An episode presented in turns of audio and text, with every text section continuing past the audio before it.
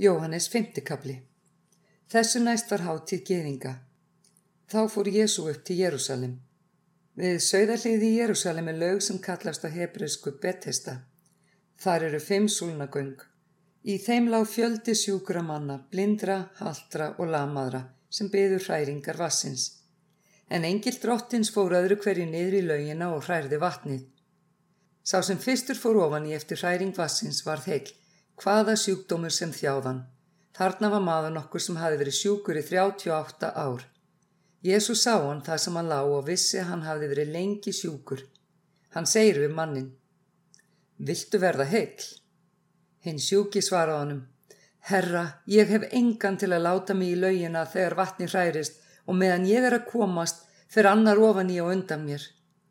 Jésús segir við hann, Statt upp, takk rekju þína og gakk. Jafnskjótt var maðurinn heil, tók rekju sína og gekk.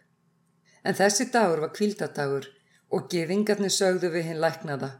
Í dag er kvíldardagur, þú mátt ekki bera rekjuna. Hann svaraði þeim. Sá sem læknaði mig sagði við mig, takk rekju þín og gakk. Þeir spurðan, hver er sá maður sem sagði þér takk hana og gakk?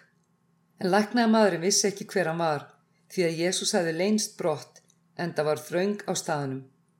Nokkru síðar hitti Jésu hann í helgidóminum og sagði við hann, Nú ert þú orðin heil, synga ekki framar, svo eigi hendi þig annað verra.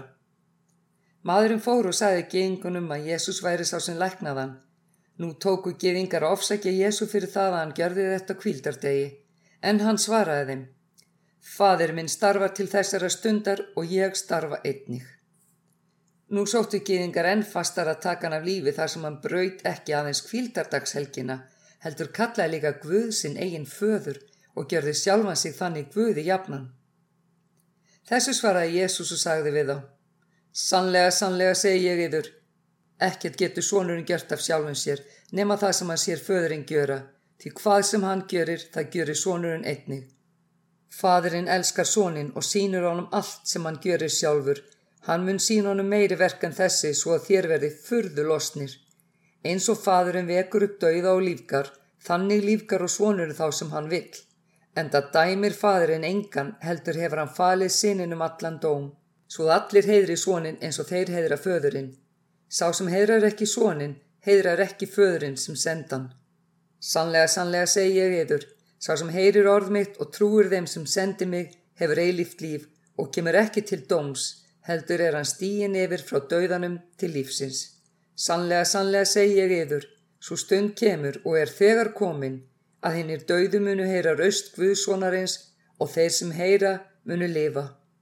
Eins og fadurinn hefur líf í sjálfum sér, þannig hefur hann og veitt sinunum að hafa líf í sjálfum sér og hann hefur veitt honum vald til að halda dóm því að hann er mannssonur. Undrist þetta ekki.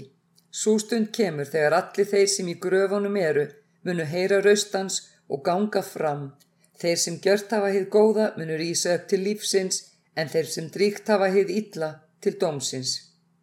Ég megna eigi að gjöra neitt af sjálfu mér, ég dæmi samkvæmt því sem ég heyri.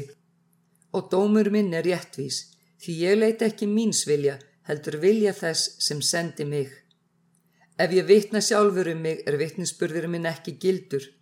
Annar er sá sem vitnar um mig og ég veit að sá vitninsburður er sannur sem hann ber mér. Þér hafið sendt til Jóhannesar, hann bar sannleikanum vittni. Ekki þarf ég vittnisspurð manns, en ég segi þetta til þess að þér megi frelsast, hamma logandi og skínandi lampi. Þér vilduðum stund gleðjast við ljósans. Ég hef þann vittnisspurð sem er meiri en Jóhannesar, því verkin sem faður minn fjekk mér að fullna, verkin sem ég vinn, bera mér það vittni að fadurinn hefur sendt mig. Fadurinn sem sendi mig Hann hefur sjálfur vitnað um mig.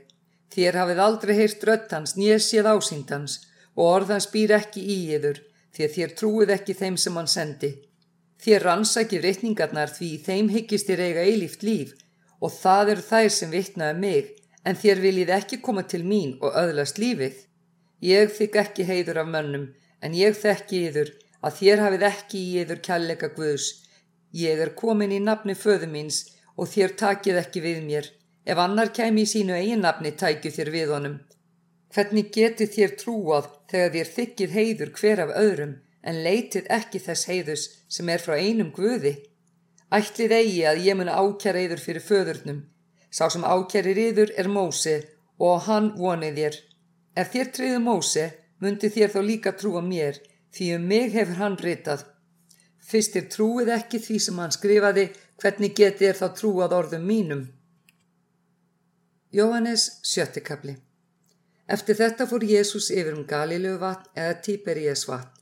Mikill fjöldi manna fylgdónum því þeir sáu þau táknir hann gjörði á sjúku fólki. Þá fór Jésús på fjallið og settist þar niður með lærisvinnin sínum. Þetta var laust fyrir páska, hátíð geðinga. Jésús leit upp og sá að mikill mannfjöldi kom til hans. Hann segir þá við Filipus. Hvar eigum við að kaupa brauð að þessir menn fá að eta? En þetta sagði hann til að reyna hann því hann vissi sjálfur hvað hann ætlaði að gjöra. Filipus svaraði honum. Brauð fyrir 200 denara nægðu þeim ekki svo hver fengi lítið eitt. Anna lærisveitnans Andris bróður Símónar Pétur segi þá við hann Hér er piltur sem er með fimm byggbrauð og tvo fiska en hvað er það handa svo mörgum? Jésús sagði Látið fólki setjast niður. Þarna var gras mikið, menn settust nú niður um 5.000 karlmennað tölu. Nú tók Jésús brauðin, gjörði þakkir og skipti þeim út til þeirra sem þar sátu og eins af fiskunum svo mikið sem þeir vildu. Þegar þeir voru mettir, segir hann við lærisvena sína. Sapnið saman leifunum svo ekkert spillist. Þeir söpnuðu þeim saman og fylgtu tól körfur með leifum byggbröðana fimm sem afgengu hjá þeim er neitt höfðu. Þegar menn sáu táknið sem hann gjörði, sögðu þeir. Þessi maður er sannlega spámaður sem koma skal í heiminn. Jésús vissi nú að þeir myndu koma og taka hann með valdi til að gjöra hann að konungi og vek því aftur upp til fjálsins eitt síns liðs. Þegar kvöld var komið fóru lærisvinnir hans niður að vatninu, stigu út í bát og lögði af staði yfir um vatni til Kapernaum. Myrkur var skollið á og Jésús var ekki enn komin til þeirra. Mynd gerði kvassan og tók vatnið að æsast. Þeir hafði róið hér um byl 25 eða 30 skeiðrum, sáu þeir Jésús gangand á vatninu og nálgast bátinn. Þeir eruðu hrættir, en hann sagði við það. Það er ég, óttist eigi. Þeir vildu þá taka hann í bátin en í sömusfefum rann báturinn að landi þar sem þeir ætluð að lenda. Dæin eftir sá fólki sem eftir var handan vassins að þar hafði ekki verið nema eitt bátur og Jésús hafði ekki stíð í bátin með lærisvinni sínum, heldur höfðu þeir farið burt einir saman. Aðrir bátar komið frá Tíberías í nánd við staðinn þar sem þeir höfðu etið brauðið þegar drottin gjörði þakkir. Nú sáum en að Jésús var ekki þarna fremur en lærisvinnar hans. Þeir stegu því í bátana og komu til kapinám í leitað Jésú. Þeir fundan hinu með við vatnið og spurðan, Rabbi, nær komstu hingað? Jésús svaraði þeim, Sannlega, sannlega segi ég yfir, þér leitið mín ekki af því þér sáðu tákn, heldur af því að þér átuð af brauðunum og urðum ettir. Aflið yfir eigi þeirra fæðu sem eigðist, heldur þeirra fæðu sem varir til eilífs lífs og mannsonurinn mun gefa yður, því að hann hefur fadirinn Guð sjálfur sett innsikli sitt. Þá sögður við hann, hvað eigum við að gjöra svo við vinnum verk Guðs? Jésús svaraði þeim, þetta er verk Guðs, að þér trúið á þann sem hann sendi. Þeir spurðan þá, hvaða tátt gjörir þú svo að við sjáum og trúum þér? Hvað afreikar þú? Feður vorir átu manna í eðumörkinni eins og ritað er, brauð af himni gaf hann þeim að eta. Jésu sagði við þá, sannlega, sannlega segi ég yður, Mósi gaf yður ekki brauðið af himni, heldur gefur fadur minn yður hið sanna brauð af himni. Brauðgvus er sá sem stígur niður af himni og gefur heiminum líf. Þá sögðu þeir við hann, Herra, gef oss ætti þetta brauð. Jésu sagði þeim, Ég er brauð lífsins, þann mun ekki hungra sem til mín kemur og þann aldrei þista sem á mig trúir. En ég hef sagt við yður, þér hafið séð mig og trúið þó ekki. Allt sem fadurinn gefið mér mun koma til mín og þann sem kemur til mín mun ég alls eigi brott reka. Ég er stíið niður af himni, ekki til að gera vilja minn, heldur vilja þess er sendi mig. En sá er vilja þess sem sendi mig að ég glati engu af öllu því sem hann hefur gefið mér, heldur reysi það upp á efsta degi, því sáur vilji föðu míns að hver sem sér svonin og trúir á hann hafi eilíft líf og ég mun reysa hann upp á efsta degi. Nú kom upp kurr meðal geðinga út af því sem hann sagði. Ég er brauðið sem niður steig af himni. Og þeir sögðu, er þetta ekki hann Jésu, svonur Jósefs? Við er þekkjum bæði föður hans og móður, hvernig getur hann sagt að hans í stíi niður af himni? Jésu svaraði þeim, verið ekki með kurr yðar á meðal. Engin getur komið til mín nema fadurinn sem sendi mig dræjan og ég mun reysa hann upp á efsta degi. Hjá spámanunum er skrifað, þeir munu allir verða af Guði fættir, hver sem hlýður af föðurinn og lærir af honum kemur til mín. Ekki er það svo að nokkur hafi séð föðurinn, sá eitt sem er frá Guði hefur séð föðurinn. Sannlega, sannlega segi ég yður, sá sem trúir hefur eilíft líf. Ég er brauð lífsins. Feður í þar áttu manna í eðimörkinni en þeir dói. Þetta er brauðið sem niður stýgur af himni, sá sem etur af því deyr ekki. Ég er heið lifandi brauð sem steig niður af himni. Hver sem etur af þessu brauði mun lifa af eilífu og brauði sem ég mun gefa er hold mitt heiminum til lífs. Nú deildu gefingar sín á milli og sögðu, hvernig getur þessi maður gefið ás hold sitt að eta? Þá sagði Jésu við þá, sannlega, sannlega segi ég yfir, Ef þér etið ekki hold mannsonarins og drekki blóð hans, hafið þér ekki lífið í þér. Sá sem etur hold mitt og drekku blóð mitt hefur eilíft líf og ég reysi hann upp á efsta degi. Hold mitt er sönn fæða og blóð mitt er sannu drikkur. Sá sem etur hold mitt og drekku blóð mitt er í mér og ég í honum. Eins og hinn levandi fadir sendi mig og ég lefi fyrir föðurinn, svo mun sá lifa fyrir mig sem mig etur. Þetta er það brauð sem niður steg af himni. Það er eins og brauði sem feðurnir átu og dóu. Sá sem etur þetta brauð mun lifa að eilífu. Þetta sagðan þegar hann var að kenna í samkundinni í Kapenám. Margir af lærisvinnum hans er á hlítu sögðu. Þungar þessi ræða, hver getur hlustað á hana? Jésús vissi með sjálfum sér að kurvar með lærisvinnum hans út af þessu og sagði við það. Nexlar þetta yður. En ef þér sæðið mannsónin stíga upp þangað sem hann áður var, það er andin sem lífgar, holdið megnar ekkert. Orðin sem ég hef talað til í þar, þau eru andi og þau eru líf, en meðaliðar eru nokkru sem ekki trúa. Jésu vissi frá upphafi hverju þeir voru sem trúðu ekki og hver sá var sem myndi svíkjan. Og hann bætti við, vegna þess sagði ég við yður, enginn getur komið til mínum að fadurinn veitu honum það. Upp úr þessu hörfu margir af lærisveinum hans frá og voru ekki framar með honum. Þá saði Jésu við þá tólf. Ætli þér að fara líka? Símón Pétur svaraði honum. Herra, til hvers ættum ég að fara? Þú hefur orð eilífs lífs og við trúum og vitum að þú ert hinn heila í Guðs. Jésu svaraði þeim. Hef ég eigi sjálfur útvalið yfir tólf, þó er einn yðar djöfull en hann átti við Jútas Símonarsson í Skarjóts sem var til að svíkja hann, eitt þeirra tólf. Jóhannes sjöndi kapli Eftir þetta fór Jésús um Galileu. Hann vildi ekki fara um Júti við sökum þess að giðingar sátu um lífans. Nú fór að háttíð giðinga, löfskála háttíðin. Þá sagðu bræður hans við hann. Flyti hérna og faru til Júti til þess að lærisvinna þínu sjá líkaverkið þín sem þú gjörir því enginn starfar í leinum ef hann vill verða alkunnur. Fyrst þú vinnur slík verk þá ofinbera sjálfa þig heiminum, því að vil bræður hans trúðu ekki á hann. Jésu sagði við þá, minn tími er ekki enn komin, en yður hendar allur tími. Heimurinn getur ekki hatað yður, mig hatar hann af því að ég vittna um hann að verk hans er vond.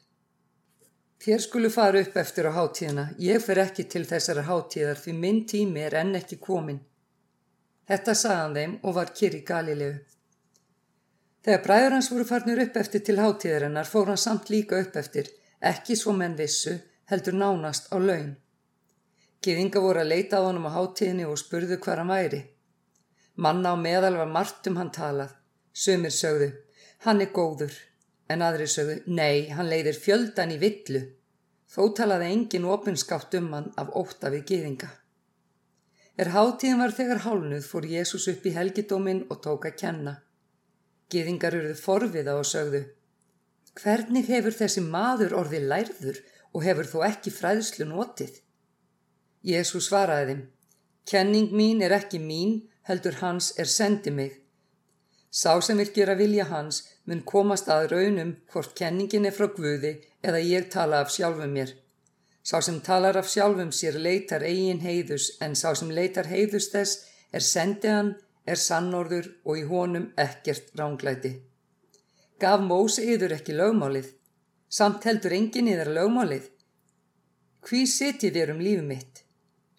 Fólkið ansaði, þú ert haldin ítlum anda, hver situr um lífið þitt? Jésús svaraði þeim, eitt verk gjörði ég og þér undrist að allir. Mósi gaf yfir umskurnina, hún er að vísu ekki frá Mósi heldur feðrunum og þér umskýði mann jafnvel á kvíldardegi. Fyrst maður er umskurinn á kvíldardegi til þess að lögmál Mósi verð ekki brotið, hví reyðist þér mér að ég gjörði mannin allan heilan á kvíldardegi. Dæmið ekki eftir útliti, dæmið réttlátan dóm. Þá sögðu nokkur Jérúsalembúar. Er þetta ekki sá sem þeir sitja um að lífláta? Og nú er hann að tala á almanna færi og þeir segja ekkert við hann. Skildun og höfingjarnir hafa komast að raunum að hann sé Kristur. Nei, við vitum hvaðan þessi maður er. Þegar Kristur kemur veit engin hvaðan hann er. Jésús var að kenna í helgidómunum og nú kallaði hann. Bæði þekki þér mig og viti hvaðan ég er, þó er ég ekki komin af sjálfum mér, en sá er sannu sem sendi mig og hann þekki þér ekki Ég þekki hann, því ég er frá honum og hann sendi mig. Nú ætluði þeir að grípa hann en enginn lagði hendur á hann, því stund hans var enn ekki komin. En af alþýðumanna tókum margir að trúa á hann og sögðu, mun Kristur gera fleiri tákn þegar hann kemur en þessi maður hefur gjört. Farisegar heyrðu að fólk var að skrafa þetta um hann og aðstu prestar og farisegar sendu þjóna að taka hann höndum. Þá sagði Jésu, en verð ég hjá yfir skammastund og þá fer ég aftur til þess sem sendi mig. Þér munu leita mín og eigi finna, þér getið ekki komist þangað sem ég er. Þá sögðu geðingar sín á milli. Hvert skild hann ætla að fara svo að við finnum hann ekki?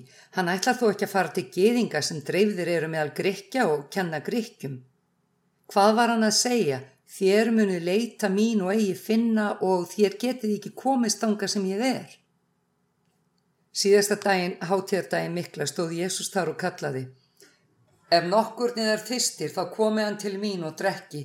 Sá sem trúir á mig, frá hjarta hans munur renna lækir lifandi vass, eins og rittningin segir.